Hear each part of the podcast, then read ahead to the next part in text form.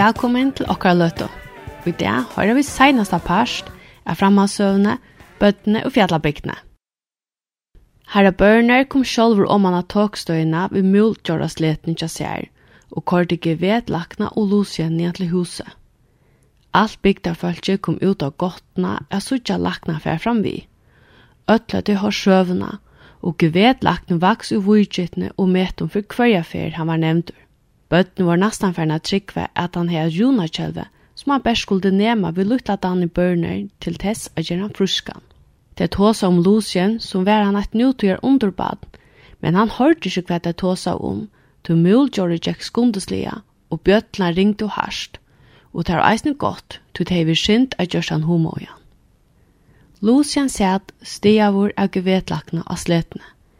Han er ikkje kunna gynnja fotafet om han er rønt, og vær til båren ut ur tåkene. Ligene var så støyver at det er helt nokt av å virke. Men hos møyesyna var han vel til passar. Lukkeliger og fotler av vånen, og hjertet hans er avvuste seg at synja lykke last som muliggjør av bjødlenar til det er norskast husen. Her er børnene seg stittler av førersetene og visste ikke hva han skulle huske om alt. Det var en stor åpert at det var en så navnfremme mann av sletene. Han vågna i best av muljore, så var ekvelig luvlig tendan dagen, ikkje skulle kvøvla sletna ut av vekanten i onkra sneiing. Nekka som ikkje var ovanligt, du sleta var stor og gøtan ekvelig smøl. Han styrte eisen for rokningsne. Sjålvande ville han lete kvørst øyre han åtte for å få Dan i fruskan, men han åtte ikke nekv, og kvært man ikke no mykje. Kanska hesen ekvelig navn fra mævren ville gåtaka en ungtarv som gjaldt. Tu betur nåttu der fram at husnun i öllum gåvun, og herra børna hjolte lakna noen nira sletene, og lytte syan Lucien opp i sina stersko armar, og bær han opp i jokken trappene og inn i støvuna, her han leie han av sofana. Eisni han var glæver å sutja Lucien, Du atta ta longo, mysko og baksali ilveversnottna hei han leit etter honom i kavanon. Omman, Annette og Dani Soto, som anker skulle tykje mynda teimann. De var ødel stase og så du stuiv ytst at han beste stålen. De sa ut som de hadde sitt i landje og boi etter du vuja gittna mannen. Da han kom inn, hukte han etter og dagen jo på ommena og reiste seg tøyerlige. Men årsak av giktene som plava i ommena var hun sittande og bøgde børst høtte. Dani var alls ikke nøkter. Han hei uimynda seg at han så var en vuja gittna mævor var ureion kappa, Ein så først den søveborsen til Annette, som hei givet Willem Tell på om a sjåda surepel nyer. Eisen han uimynda seg at han hei størst gult og purlosjekk og rei av han kvitun strussheste. Men hessi åkunne mævren som kom inn at han av papanon var alt og vanligere. Daniel tok seg tikkene av hesson og lunaist. Lakten settes jo en stål så lengt borste fra teimen som gjørlet og smulte så på deg. Han heia vekk og spreit smul og Dani glömde jeg lunast og smultist atter. Gevetlakten stakk hånden av tjasa ny lomman og tog han karamellet opp og rattet han ut. Vil du hana karamello, Dani? spurte han. Dani bråsa i lukkeli og nikka i. Ein karamella var nekk betre enn rei og kappe og. Kom og tek hana, sier gevetlakne, og Dani kom lakkande fyrnda glavur tvørst om gulvet. Medan han kom iver mot honom, hukte lakten gjødla etter honom. Da Danny kom til hansara, lytte han hana opp av knøyene og stakk Carmelen i munnen av honom. Hon luktes vel av husfølge. Hon domte vel ommena som hei seg framover og legg kvasslig på han, som ville hun sija, heit du mun dronker og ansa deg hva du gjørs vi han, annars varst du vi med a gjerra. Hon domte vel papa mitt i ærliga bruna anledningen og ryggen som var bøkter av strevet. Hon domte vel Anette vid sunne kottgula flatton og til vekra strypet av fyrklanon. Men best av ötlun domte hon den vinsamma, blåøkta, luttla drøntjen, som sæt i skjeddelatj av knøven hansara og seg karmelna. Han lei mersi til at han var under mamma, og undrest av om det var den gamla konan etter den lutta gentan som held huset så rodeligt. Hev du på inn i beinon, spurte gevedlakne. Nei, sverre Dani, Nei, herra lakne rattet om han og på han. Herra lakne lei Dania træt og smultist. Best onke du ta i genj utan høtjer. Og til at bjadna høtt og høtjen kja mer, vil du sleppa suttja her? Ja, det ville ferien, sier guvet lakne. Og medan Dani hoppa iver etter taimon, hukte han atter gjødlet etter honom. Jeg kan gjøre et ekkelig størst låp i høtjen sier Dani åsmeien. Vil du sutja meg gjøre eit? Ja, la meg til, sverre laknen. Han sette stålen om Dani lät i ommene, som hei lagt hon eina vi ikkje gjerri seg ekvili store låpen i husen hon, og han etter tok skundeslega tvær kjettlinga bortstå fra, de andre visste hva han kunne enda. Låpi etna sera vel og laknen klappa i. Overførst røpte han, det var rett som han sutt en kengur i eina forsva i djora gærnon. der han fra der og gakk i vitlumun åttan høytjur. Da han i forhaltande i umodr honom, smultest, men sleipa i bein etter seg. Gevet lakne at du motor, og lyttet han lukta dronjen værsle atru på knøyene og gav hon anna æra Carmelo. Omma, som er fyllt vel ved ødlån, vente seg nå til Anetto. Anetta, sier hun, se kjetelen ut da og gjør en drekk av munn og ta køkedåsene fram.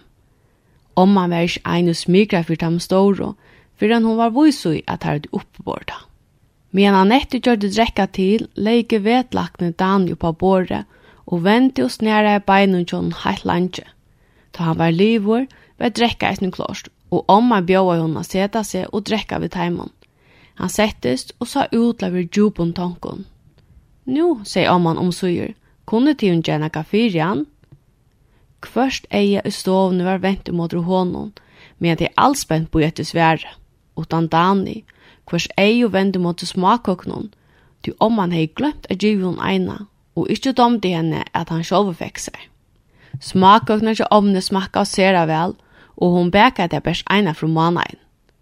Gevet lakne sværa ikkje beina vegin, men vente seg stegin mot Dani. Dani, sier han, hei der dama kunne runni eins og hinne drøngjene, da han i drala i besværen. Han visste ikkje reilige, Han var den einaste drongur i byggene som hei bjatna høytjer, og det gjør det at han var ørvusi enn line. Men så igjen kom han hokse om at var det narskaist, og om han ikke fikk grunnen som han ville, kunde han heldur ikke renne etter guidarbokken av marskene, såla som han hei gjørst i fjørsommer. Og å renne etter unge guidarbokken var så stortlet at det var ganske verst av være som henne. Han sier til, jo takk, det ville feien, og om han kan få en smak og gå, Ongen sværeie. Lucien og Annette så det og vi av og vi krussen og luftene. Begge lykke bleik. Ødt start vi samanle og pakke vedlakne. Dani sier han blåttelig. Hver dan fitta kjettan færen? Og du har ikke så sier Dani. Skal for etter henne? Hun må eisen trutja kjettlingar. Ja, sverger vedlakne. Og Dani hinka sted og leite til klavose. Og ut han får fram vi køkken hun, nåpa han er tverborst av, men ongen tøktest av varnastet. Så kjøtt Daniel at du horene atter, vent ikke vedlagten seg til papan. I halte at jeg fyrir kunne hjelpe honom, sier han, og bøkte seg framover og tå seg alvarslige. Sjålt om ikke vi visste kan si til hon, for enn jeg vil se rønkemyndene av beinene. I halte at beinene omgatt i rett samansett, og er vakset skreif saman. Og bråd ut av sundrattor kan jeg rette det opp. Jeg har til at hjemme gjeres vi en skorvidger, kommer han av verden og tog jeg sjukros noen er til hun viljer til det. Pape vrutja i hendene og lukkulir og hukte roaleser, Fyrst på ommene og så på Annette. Han er i ångad i overhaft i skurvidger å gjøre, og kjølt året ljøva i øylet. Hertil er han alltid hørst at skurvidger var ekvilja kostnadmikler, så han får neivan av å være førfri gjalda. Hvordan kostar det, spurte han om suger og klåret seg nokkan. Det kostar det kun ikke, sver han. Lutjen kjenner jo sjolv og goldet det og hvordan. Jeg kan ikke greia til hun fra til nå, til luttel dronker til her til hun kjøtt atter, og vi må avgjøre til at åren kommer. Vil jeg til hun at jeg skal teka med meg? Jeg sverre om han, hva som ikke var spurt. Nær spurte han etter? I morgen og årene sverre ikke vedlakne. Jeg ferdig i morgen tog noen, og så er vi dane ved meg. Hver skal jeg ved tog noen, spurte han klarrødt. Dane var kommet stillelse inn i kjøkkenet bakdittene, utan han nekker hei, sier han. Nu stod han under lien i egge vedlagna vi fotlen faunu av kettlingon og sa lukkelig ut. Alt lois ut hei han best vir eina fri vi tåtsjonon, best ut 20 minutter, men han hei onga du glemta. Ongen sværa ei. Det starte vi samanlea og pagge vedlagna. Hver omma spurte Dani oppater. Lagna vende seg mot Dani. Dani, sier han, du gjør om åmanna strondna vi mer av vera tja mer enn av tog, og så vågne jeg at kunne gjøre det fruskan at du beinom. Heitar dama til jeg. Eit han nette, sier han avgjørte, og omma og papi og klavus og kjettlingane. Jeg har lagt den, til vilja vi fegin. Og nei, Dani, sier han etter, vi kunne ikke ødel komme vidt der. Nå må du være en fitte dronker og være ensam Lagt den for ansette der, og du kommer kjøtt atter. Men sjål var hun om å grata. Hes i årene hadde hun en rævlig avvarskan. Dani kastet seg sjálvan, kettlingarnar og alt i armarnar og anette, og brast og sjåhætan gråt og ulti av øye og vånløse. Onka til overhøttu til horsluka levend og geng. Anette klappa i og kyste Dani. Omma risti ui han, og mian papen gav hon og fotla hånd av smakokon ut av knutt og nevaner, men ikke batte. De hugde hjelparleis kvar på annan. Gevetlakne sa at han får å være for åsikre, fikk han ikke skund i okkur oppe Han vendte seg mot i ommene. Dort han lutta gentan ansette bøtten og røpte han og jøkken gengen. Hon er fostra Dani opprøpte om han atter, men jøkken vedlagna tøkte sett ikke løtene av henne ka fyrdømme. De må heller leta henne komme ut og lukta drønnsmennene, røpte gevedlagna. Hon kan hjelpe konen min nære. Dan gjelder jeg nettet og ryster herlig uian for å få henne lusta. Jeg skal eisen vi. Dani bra taknaði. Histra i trutja ferir og smultist. Gevedlakten smultist atter. Han tog den lukta drøntjen opp og tog seg oversamt ved han. Er bensje for at du har spilt ur Dani, sier han. Ta du ikke mer sjukrus til mer, måst du gjøre som jeg sier, utan geng og uil. Dani dunka i glævor av bringo hansara. Eisen han nettis var han og smultist. Han visste at han eina for enn var vår sier skjære. Gevedlakne sette Dane nyer. Jeg får hjelpe Lucien heim, og om tid kunne lære meg en slett, å se han. Så nå får jeg å si farvel hese før. De bæge bøttene kunne møte meg tøkstøyen klokken halv og nødt i morgenårene, og her var det vi av klæven som nøyot er der neste tvær trodde måneder. Annette kommer hjelp av kåne min av morgenen og genge skolen kveldene. Seidna parster fer han så fri av å være sammen med Lutle Broversøyene. Papen tok i hånd laknans og sier stille seg farvel, ut til han torska svartan av pannene.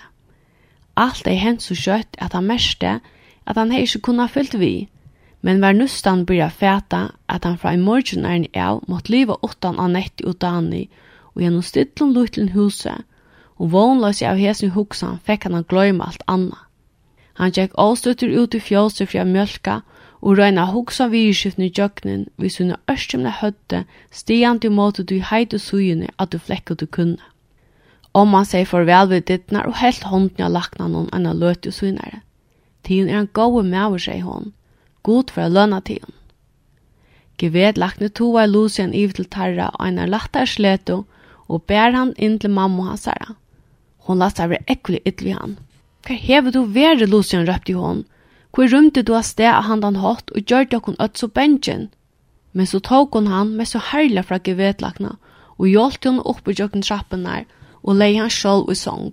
Så han kom nyrattur og sett seg ved bjøra og fjallt i anlite vid sin svarsta fyrklei og for å gråta. Til hun eier en ekvile German son frua, sier gevetlakne. Han er en ekvile og skikkelig dronker, sier Frumrel, ill, og av til hun var så erren av honom, og så gled av suttjan i öllum gåen atur for han gråta enn meira. Hon og Maria høtti alla fyra parsten bak inn til skøkene til Lucien, og huset var fullt av de gåa køkelukna. Der bo og gevedlakna seta seg nyer og eta vid teimun, men han tok ikke av. Jeg til at han hei nekka tøytinga mykja greia fra, og tøyen boja ikkje. I halte, bryr han knapplega, at Lucien kjenner okra gamla mann her nærendis, kunne du se meg hver han bor? en gamla mann tog Marie upp åter. Åh ja, det har man vet han gamle mer uppe i fjallen som lärarna ser ut ur träje. Det är näck samman. En undras att han ser ju honom. Fleste folk sier at han er svekur. Kan så vise meg veien til husen til honom, spurte ikke vedlagtene. E, Kvoi? Jo, sverre Maria offeren. Det bætt nye jøkken skoven, men jeg er ikke fer nian her, verre tion, har jeg lagt ned. Gøtamannen ikkje var så god av geng gøtlen som kævanon. Jeg har en ørende til hans der, sverre han stod. Kanskje du kunne vurs meg gøt igjen. Jeg kom inn av ved åmanatter og sier Lucien farvel. Jeg lagt helt at han ånga du jeg ser en vekra sko som han tjekk nian etter gøten i henda seidna parsten. Greinarna hingu tungar og bøkter at hun nekva kævanon. Gossum han da kjennast som gamla mannen hun seg gevetlakne, er bygge einsam at du fria, bostur fra allan óljóa. For lotet du landa skånen og sutja der skiftandi årstunar koma og færa. Han gjør det spentur å hitta han og merste er hjertet slå tuttare enn vanligt. Ta han kom ut ur skånen, så han småttuna miskais oppi av marskene. Kæven var lagstur høgt opp etter suynun. han gamle mævren hei grivi enn geil umåte trøvenen, som hei han vant av virkjan, hos seg guvedlakne, og breisa slå umåte småttene. Han benka spekler på horena og far in och sådana boja till svära. Den gamle mævren seg bøkte fram fri elden og tälte. Kvörje med en hand sådde gaiten och kättan. Gevedlakne fäxar stålen så stod hinne med en eldstäge. Nå ser den gamle mävren åtta hitje upp. Komst du vel fram, Lucien? Het er ikke Lucien, sverre gevedlakne blymalter. Og den gamle mävren kvakk vi og hukte upp. Så gjerne sådde der og starte på hver annan – som høttu der bare seg spøtjuse, men til oversur som har seg ganske verleitje korsene.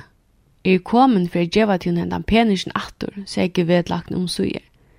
Jeg vil ånka pening her for å hjelpe som baden Som omsurnar er det, så ikke gjør det for ånke, om det kan være gjørst.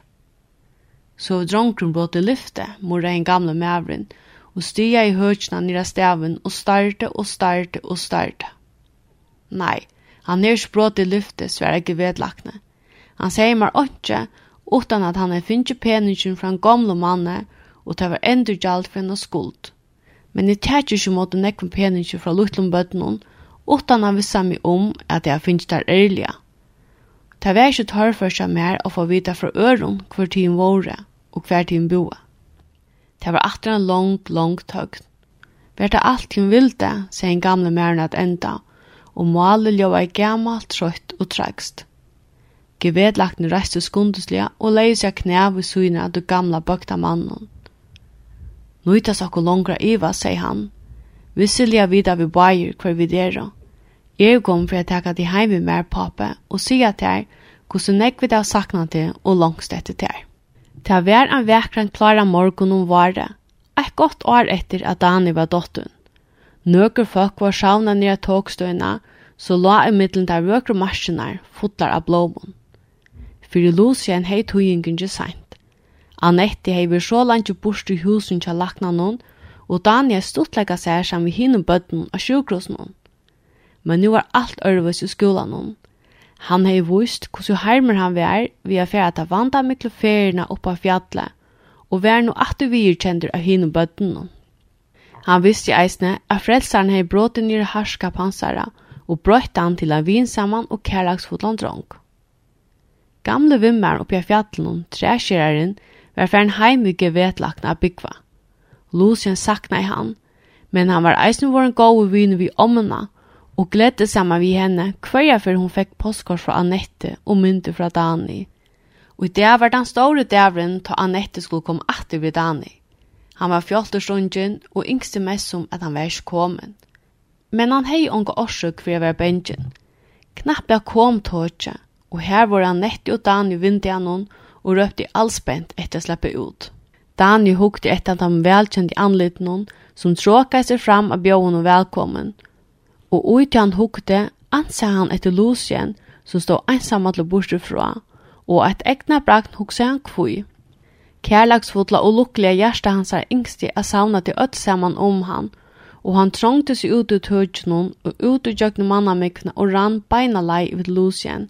Hygg Lucien, røpte han, if I gynnje, lakne som du fanns ut gjørs med fruskan, og jeg fei runne som er i ånga du dotten i gjønna. Higg omma, higg pape, jeg fei runne utan nekra høytjur. og higg, klavus, her kjettlingrin jatt her. Er han ikke stårer omma, nesten lukka stårer som klavus. Klavus og kjettlingrin torga ikke kvenn annan. Tær klóra og fyrstu øylet. Dani og omman høtti ur at gera skilja ta sundur. Fölkje flente og tåkje rutla i vujare, og Annette leip om halsen av pappasunnen, som atla hon ånga til å sleppa natter. Bers Lucien hei vent seg bostur, han er finnst tar og i egne. Han var våren ærdur fram om et ånder. Alt var hon fyrtju og glømt. Da han fikk ikke, så var han ångat til dotter. Som han vente seg, anser han etter at mannlig treje og stå av paddelen var for å sprette i erva. Og joar var ikke utan bæra greinar, men var det hei sikre atøy, og ut ur seg mun bæra greinar var en mangt av vøkron ljøsare om blomstron spotten ut.